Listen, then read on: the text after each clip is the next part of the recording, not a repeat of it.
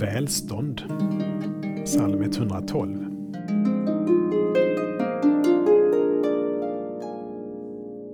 Lycklig den som fruktar Herren. Välstånd och rikedom bor i hans hus.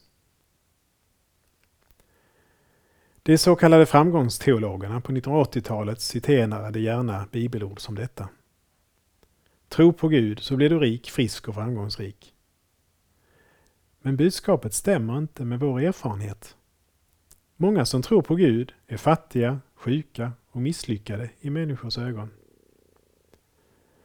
Det finns inget enkelt samband mellan tro och materiellt välstånd. Å andra sidan finns det många exempel på att välståndet blomstrar där en väckelse gått fram.